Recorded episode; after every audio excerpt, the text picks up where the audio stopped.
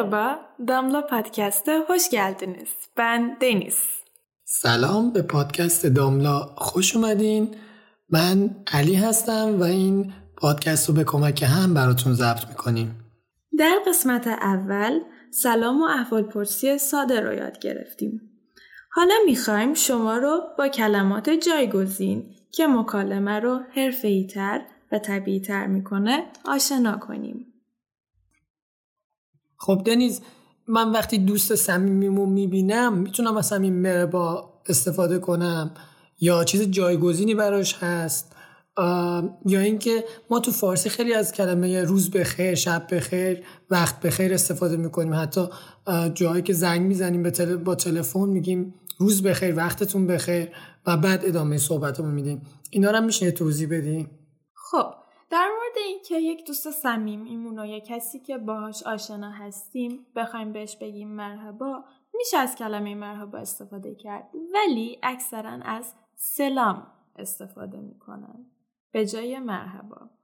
و در مورد کلمه های روز بخیر، عصر بخیر و یا شب بخیر می‌تونیم کلمه های iyi akşamlar و geceler رو جایگزین کنیم. آه خب یعنی الان من می‌تونم بگم سلام به جای مربا سلام نه سلام. دقیقا فارسی به ا تبدیل میشه دوباره. دقیقا, دقیقا همون مشکلی که توی مرحبا یا مرحبا داشتم اینجا هم بود.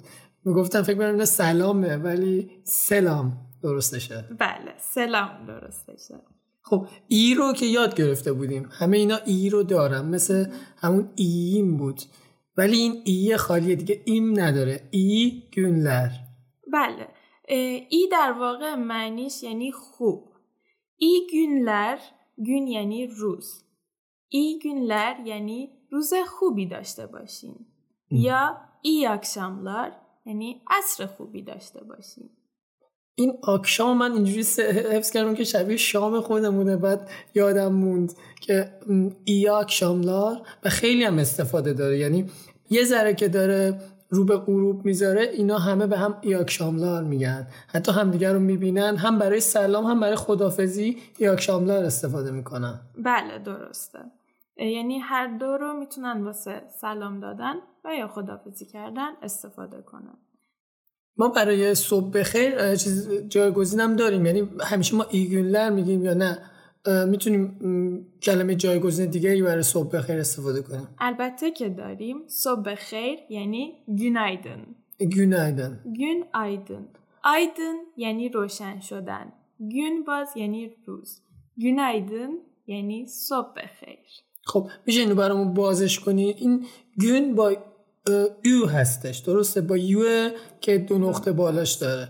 پس اینو باید ما او تلفظ کنیم. هم ای günler و هم گونایدن با او تلفظ میشه. درسته؟ درسته. تلفظت خیلی درسته. آه خب مرسی. خب پس شد. پس من صبح که بیدار میشم می‌تونم به دوست اگه جای میرم به دوستم بگم سلام ای گونلر یا سلام گونایدن. البته درسته. من گونایدن این ایه دوم ایه یا آیه؟ ا همونی که از گلو در هم سخته.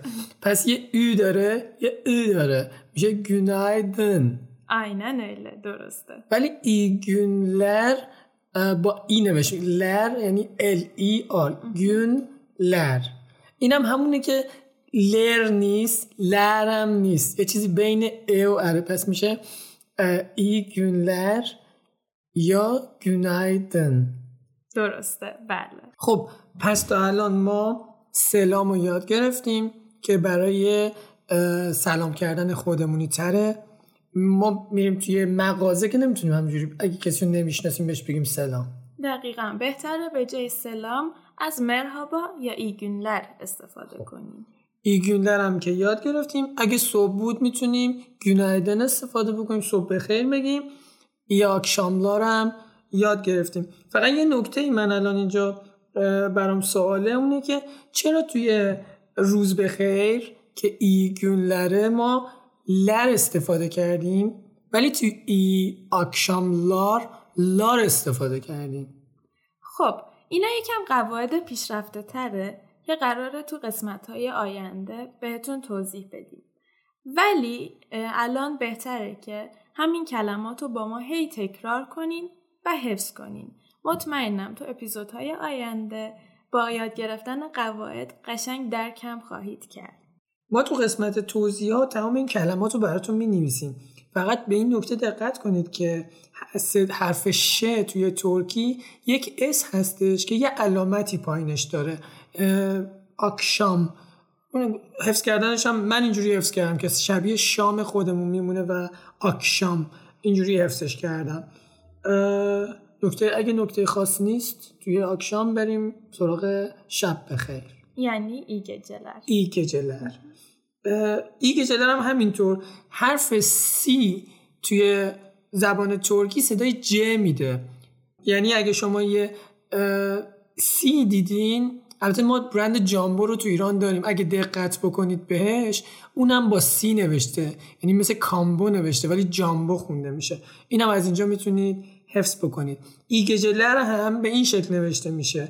یعنی با جی و یه دونه ای و سی گجه گجه معنی شب میده درسته؟ و شب بخیر میشه ای گجلر درسته بله.